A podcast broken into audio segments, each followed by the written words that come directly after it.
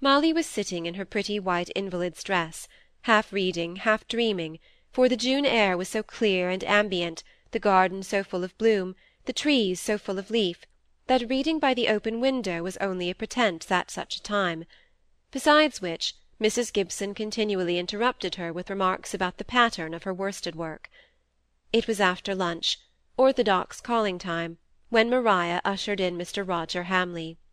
Molly started up, and then stood shyly and quietly in her place, while a bronzed, bearded, grave man came into the room, in whom she at first had to seek for the merry boyish face she knew by heart only two years ago.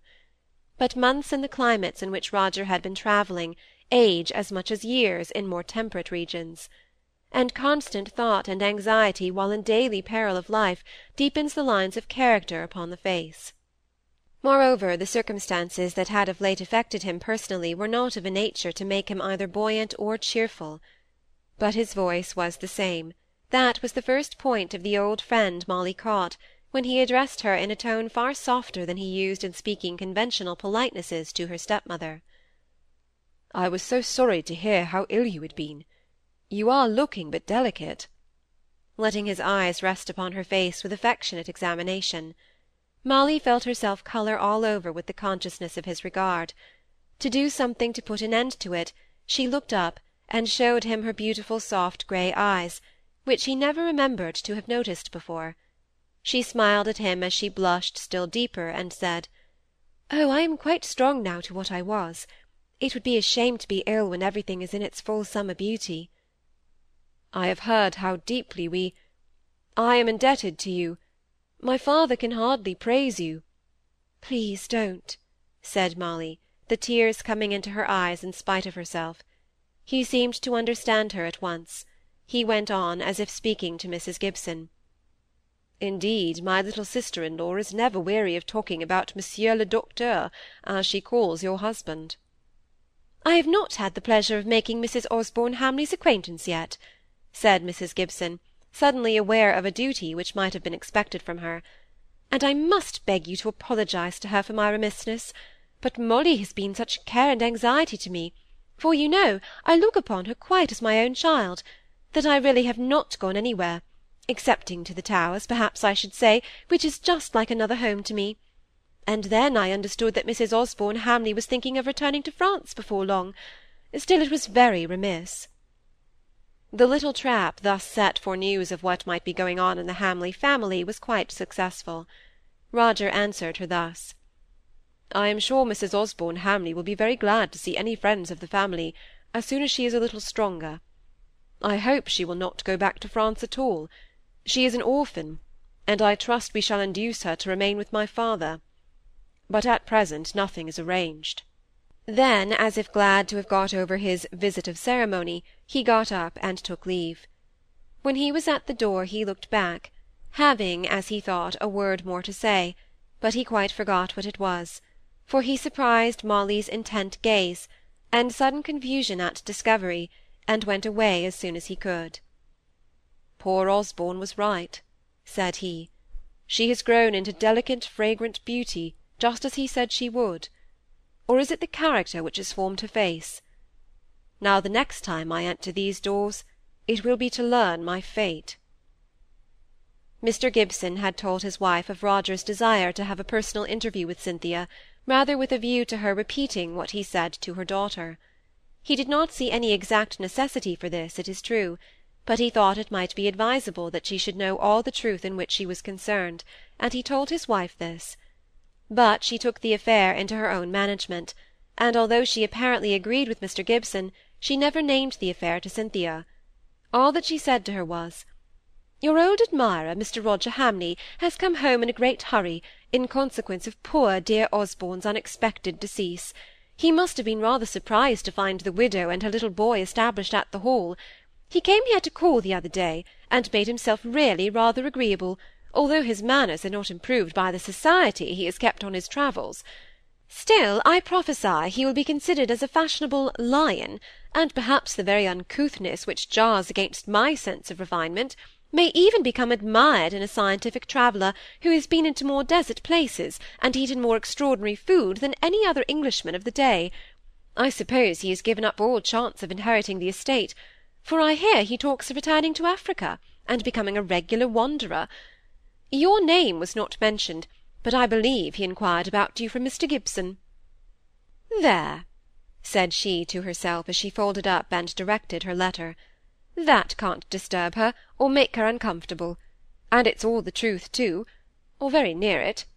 Of course he'll want to see her when she comes back, but by that time I do hope Mr. Henderson will have proposed again, and that that affair will be all settled."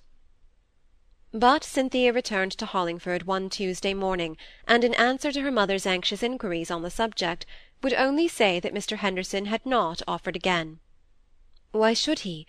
She had refused him once, and he did not know the reason of her refusal, at least one of the reasons. She did not know if she should have taken him if there had been no such person as Roger Hamley in the world.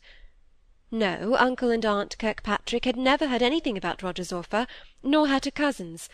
She had always declared her wish to keep it a secret, and she had not mentioned it to any one, whatever other people might have done. Underneath this light and careless vein there were other feelings, but Mrs. Gibson was not one to probe beneath the surface. She had set her heart on Mr. Henderson's marrying Cynthia very early in their acquaintance, and to know firstly that the same wish had entered into his head, and that Roger's attachment to Cynthia, with its consequences, had been the obstacle and secondly that Cynthia herself, with all the opportunities of propinquity which she had lately had, had failed to provoke a repetition of the offer, was, as Mrs. Gibson said, enough to provoke a saint. All the rest of the day she alluded to Cynthia as a disappointing and ungrateful daughter. Molly could not make out why, and resented it for Cynthia, until the latter said bitterly, "Never mind, Molly. Mamma is only vexed because Mr because I have not come back an engaged young lady." "Yes, and I am sure you might have done. There's the ingratitude. I am not so unjust as to want you to do what you can't do," said Mrs. Gibson querulously. "But where's the ingratitude, mamma? I'm very much tired, and perhaps that makes me stupid, but I cannot see the ingratitude." Cynthia spoke very wearily, leaning her head back on the sofa cushions, as if she did not care to have an answer. Why, don't you see we are doing all we can for you, dressing you well, and sending you to London, and when you might relieve us of the expense of all this, you don't."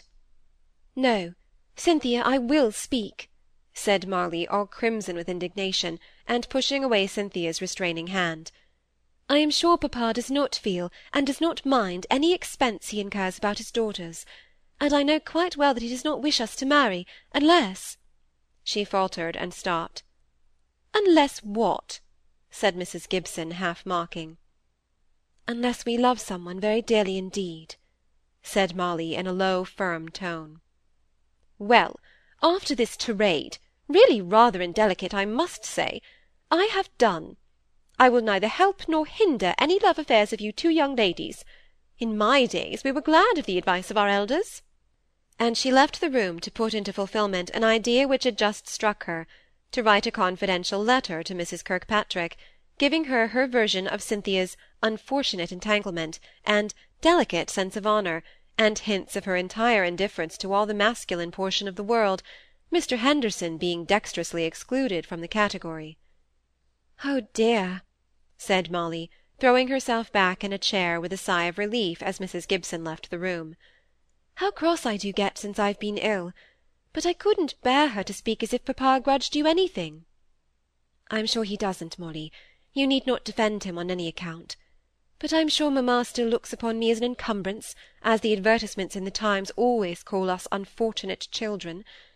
But I've been an encumbrance to her all my life. I'm getting very much into despair about everything, Molly. I shall try my luck in Russia. I have heard of a situation as English governess in Moscow, and a family owning whole provinces of land, and serfs by the hundred. I put off writing my letter till I came home. I shall be as much out of the way there as if I was married. Oh dear, travelling all night isn't good for the spirits. How is Mr. Preston? Oh, he has taken Cumnor Grange, three miles away, and he never comes into Hollingford tea parties now.